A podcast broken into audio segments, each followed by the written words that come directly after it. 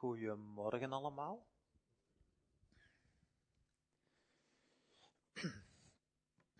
Wie een Bijbel bij heeft, mag eh, Johannes 15 opslaan. En ik hoop natuurlijk dat dat iedereen is.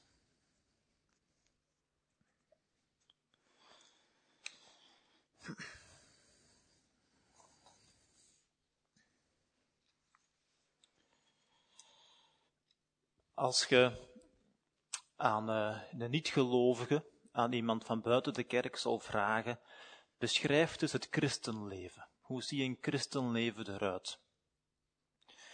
Dan is de kans groot dat je een beschrijving krijgt waarbij dat het lijkt alsof dan een christen moet voldoen aan allerlei regeltjes en lijstjes en wetjes. Het lijkt soms alsof dat christenen niks mogen van alles wat het leven leuk en spannend maakt. En het lijkt soms alsof dat christenen alles moeten wat het leven saai maakt. Maar als je aan een christen vraagt van beschrijf eens het christenleven, dan zegt hij waarschijnlijk iets in een trant van, ja, wij zijn vrijgemaakt van wetjes en regeltjes. Jezus heeft ons vrijgemaakt.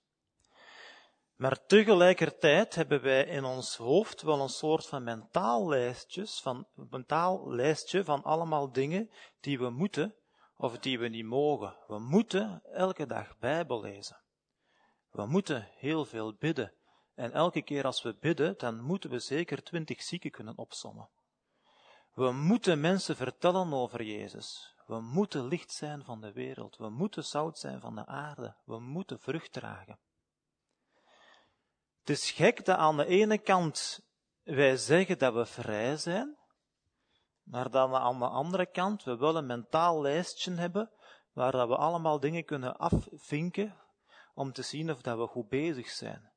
Aan het einde van de dag, ja, zeven checkjes van de tien, ik ben goed bezig en God vindt dat ook. Maar uiteindelijk is er maar één ding dat echt moet. Tenminste, als je je leven met God serieus neemt. Dat betekent, als je dat niet doet, dat je dan je leven met God niet serieus neemt. Uiteindelijk is er maar één ding dat we echt moeten, en dat is Jezus leren kennen. Want als je Jezus beter leert kennen, dan gaan we automatisch meer en meer op Hem gelijken.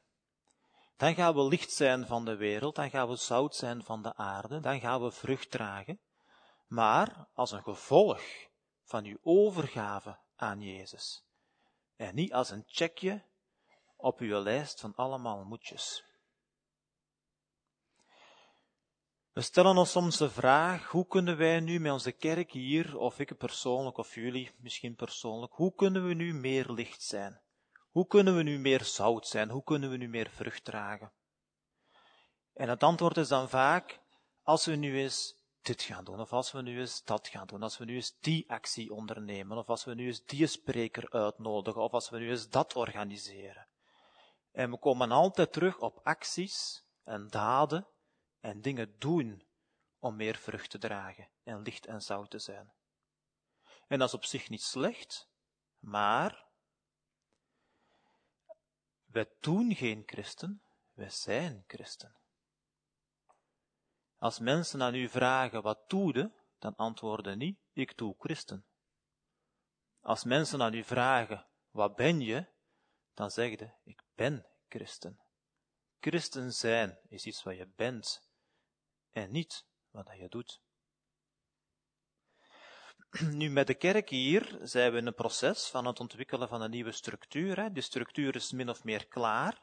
De vraag is nu, wie kan welk plekje innemen? Wie kan welke verantwoordelijkheid nemen? En misschien ben jij iemand die zich afvraagt van waar kan ik dienen? Waar kan ik mijn plekje vinden? Misschien ben jij iemand die wilt dat de gemeente groeit, zowel qua diepgang, maar ook qua aantal. Wel, als we willen dat onze nieuwe werkingsstructuur bijdraagt aan gemeentegroei, qua diepgang en qua aantal, dan is het belangrijk dat elk gemeentelid, dat elk gemeentelid leeft in een overgave aan Jezus. Want vrucht dragen is een logisch gevolg van uw overgave aan Jezus. En is dus niet per se iets dat we moeten nastreven. De overgave aan Jezus is wat we moeten nastreven. Nu, van waar komt dat idee dat wij vrucht moeten dragen? Dat komt uit de Bijbel. En waar staat dat in de Bijbel? Je moet dat niet ver niet meer zoeken, want dat ligt nu open op uw schoot. Bij Johannes 15. Vanaf vers 1. Daar zegt Jezus, ik ben de ware wijnstok en mijn vader is de wijngaardenier. Elke rank die in mij geen vrucht draagt, neemt hij weg. En elke rank die vrucht draagt, reinigt hij, opdat zij meer vrucht draagt. U bent al rein vanwege het woord dat ik tot u gesproken heb. Blijf in mij en ik in u, zoals de rank geen vrucht kan dragen uit zichzelf, als zij niet in de wijnstok blijft, zo ook u niet als u niet in mij blijft. Ik ben de wijnstok en u de ranken. Wie in mij blijft en ik in hem, die draagt veel vrucht, want zonder mij kunt u niets doen, dus ook geen vrucht dragen. Als iemand niet in mij blijft, wordt hij buiten geworpen zoals de rank en verdord, en men verzamelt ze en werpt ze in het vuur, en zij worden verbrand. Als u in mij blijft en mijn woorden in u blijven, vraag wat u maar wilt, en het zal u ten deel vallen. Hierin wordt mijn Vader verheerlijkt, dat u veel vrucht draagt en mijn discipelen bent. Je kunt er dus niet naast dat het inderdaad de bedoeling is dat wij veel vrucht dragen. Het is de bedoeling dat ons leven de Vader verheerlijkt. En hierin wordt de Vader verheerlijkt dat wij veel vrucht dragen. Dus je kunt er niet naast dat het inderdaad de bedoeling is dat wij met ons leven veel vrucht dragen. Jezus spreekt hier erover dat wij vrucht moeten dragen, maar, maar, Jezus spreekt daar niet over als een opdracht. Als je dat te goed gaat lezen wat hier staat, dan staat daar nergens de opdracht, draag veel vrucht. Vers 1, ik ben de ware wijnstok en mijn vader is de wijngaardenier. Daar staat geen opdracht. Dat is informatie. Vers 2, elke rank die in mij geen vrucht draagt, neemt hij weg, en elke rank die vrucht draagt, reinigt hij, opdat zij meer vrucht draagt. Dus hier komt weer naar voren dat het de bedoeling is dat wij vrucht dragen, maar hier staat niet de opdracht, draag veel vrucht. Hier staat informatie over vrucht dragen en geen vrucht dragen. Vers 3. U bent al rein vanwege het woord dat ik tot u gesproken heb. Dat is geen opdracht, dat is informatie. Vers 4. Daar staat een opdracht. In vers 4 staat, blijf in mij en ik in u. Dat is een opdracht. En dan verder, informatie. Zoals de rank geen vrucht kan dragen uit zichzelf als hij niet in de wijnstok blijft, zo ook u niet als u niet in mij blijft. Ik ben de wijnstok, u de ranke. Wie in mij blijft en ik in hem, die draagt veel vrucht, want zonder mij kunt u niets doen. Geen opdracht.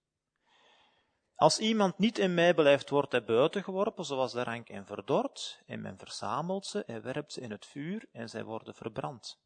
Geen opdracht. Als u in mij blijft en mijn woorden in u blijven, vraag wat u maar wilt en het zal u ten deel vallen. Hierin wordt mijn Vader verheerlijk, dat u veel vrucht draagt en mijn discipelen bent. De enige opdracht die in dat gedeelte staat, is wat er staat in vers 4. Blijf in mij. Waarom moeten we in God blijven? Wel, dat staat verder uh, geschreven in vers 4. We moeten in Jezus blijven omdat, zegt Jezus, Zoals de rank geen vrucht kan dragen uit zichzelf als zij niet in een wijnstok blijft, zo ook u niet als u niet in mij blijft. Dus de opdracht is niet draag vrucht, de opdracht is blijven Jezus. En vrucht dragen is het automatisch en het logische gevolg. Zie ook vers 5? Wie in mij blijft en ik in hem, die draagt veel vrucht. De structuur van dat vers is een als-dan. Als u in mij blijft, dan draagt u veel vrucht. Automatisch en vanzelf. Daar staat niet, als u in mij blijft, dan komt er misschien ooit nog wel eens een fase in uw leven of zo, dat je wie weet een paar vruchtjes draagt. Dat staat er niet.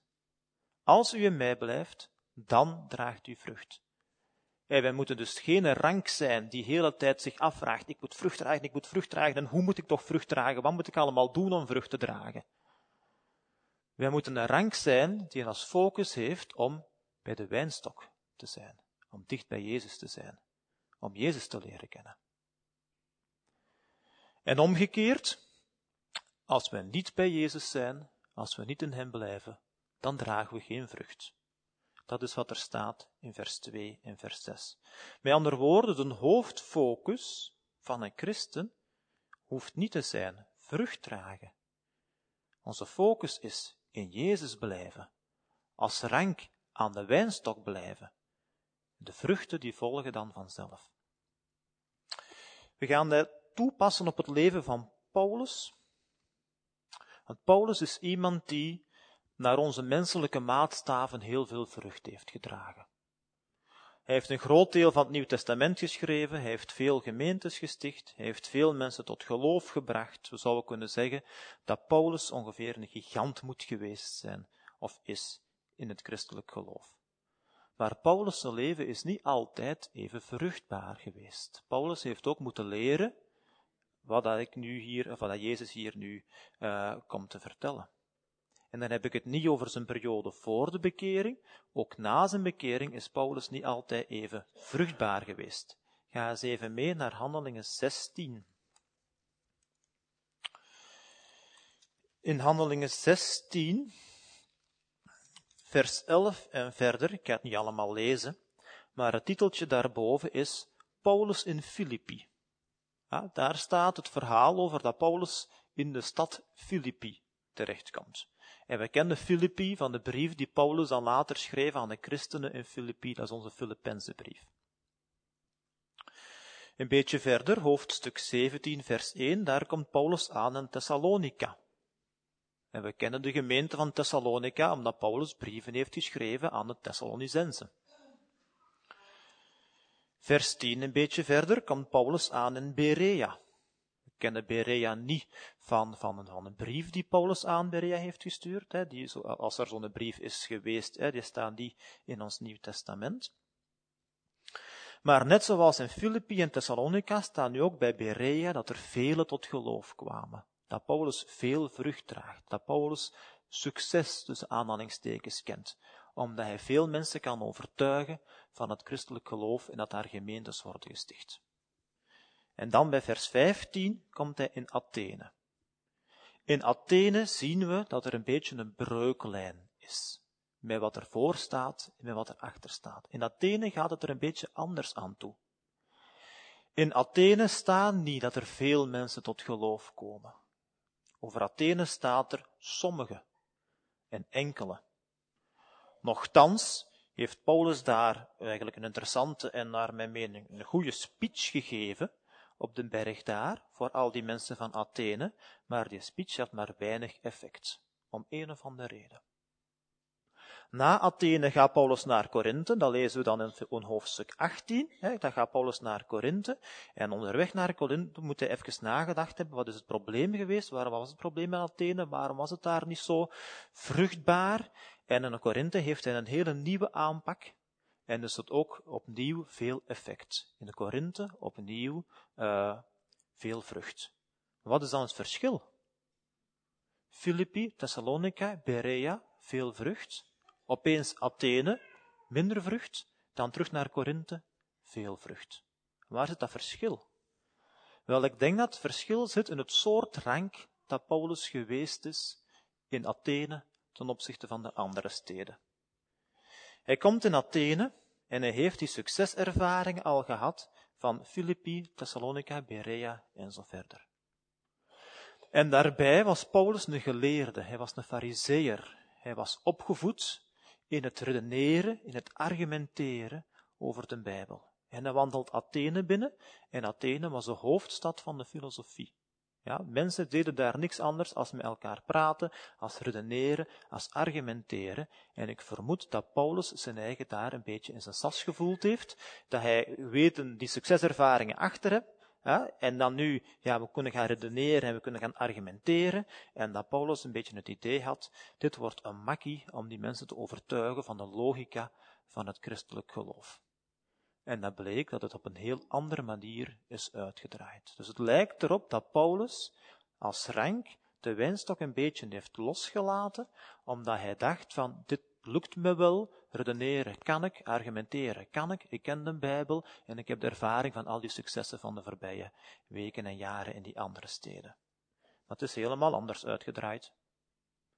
En onderweg van, van, van Athene naar Korinthe, denk ik dat hij tot dat besef is gekomen en hij gemerkt heeft van oei, ik heb dat eigenlijk niet te goed aangepakt, ik moet het in Korinthe terug helemaal anders doen.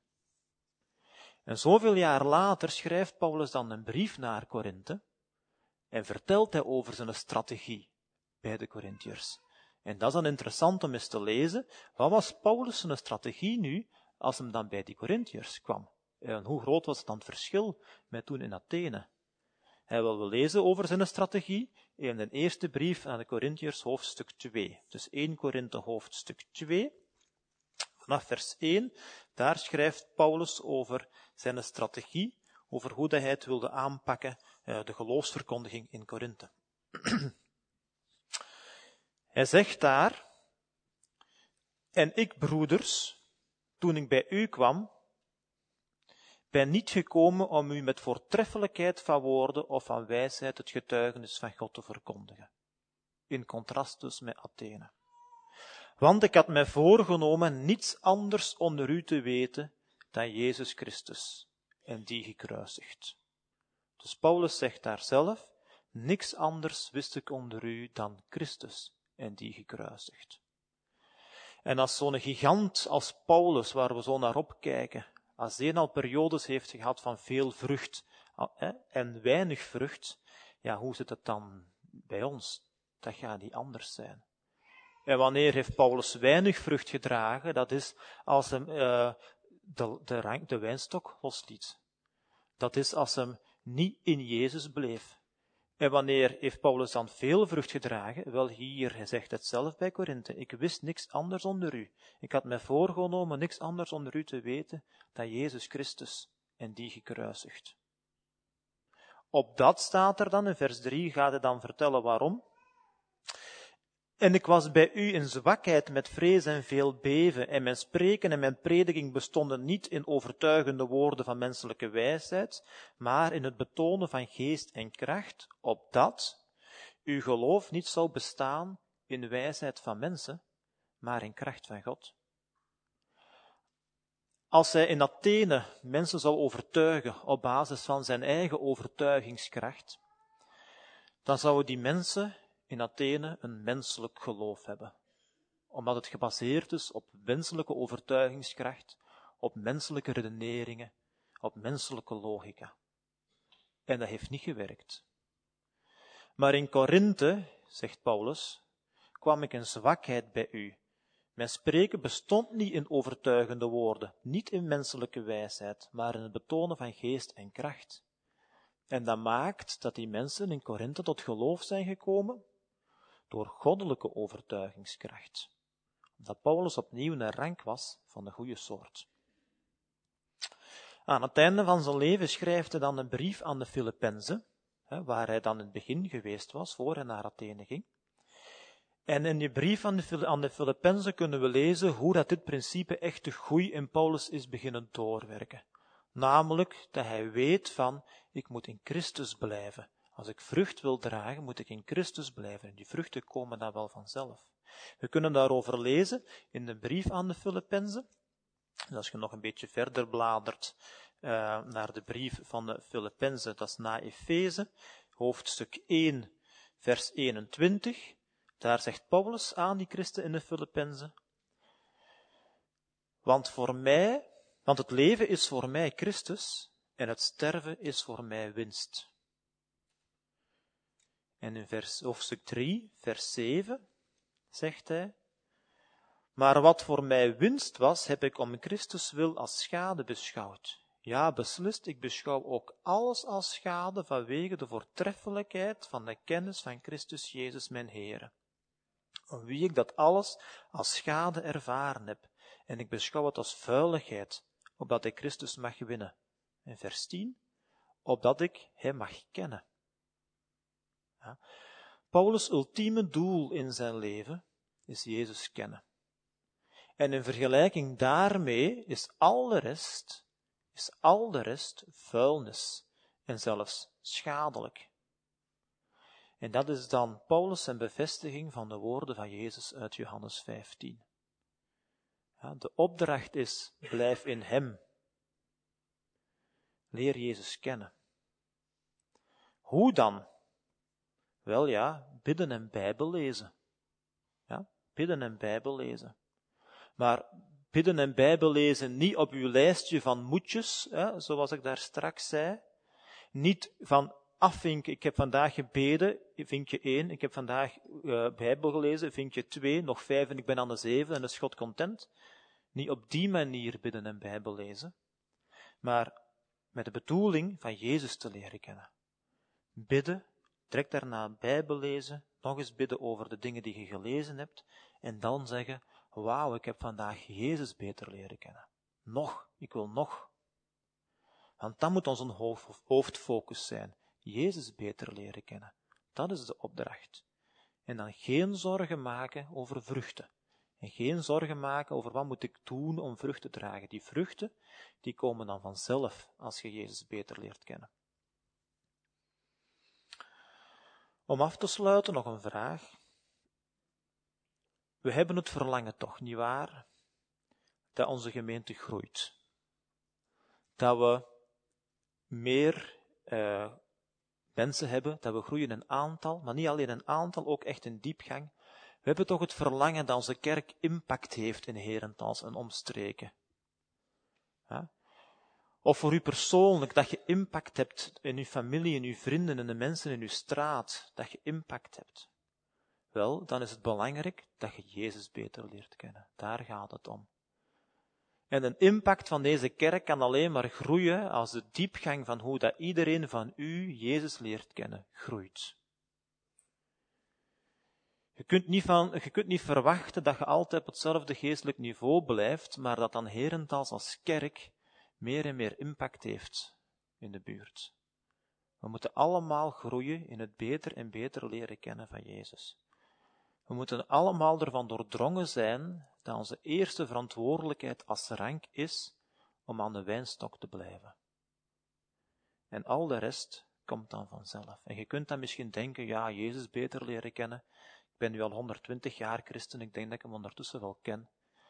Wel, laat mij u zeggen, dat is absoluut niet waar. Want hoe meer dat je Jezus leert kennen, hoe dichter dat je bij Hem komt, hoe meer dat je onder de indruk raakt van wie dat Jezus is, en hoe meer dat je beseft dat je er nog lang niet bent en dat je nog heel veel te leren hebt. Dus, neem je Bijbel vast en leer Jezus kennen. Veel zegen.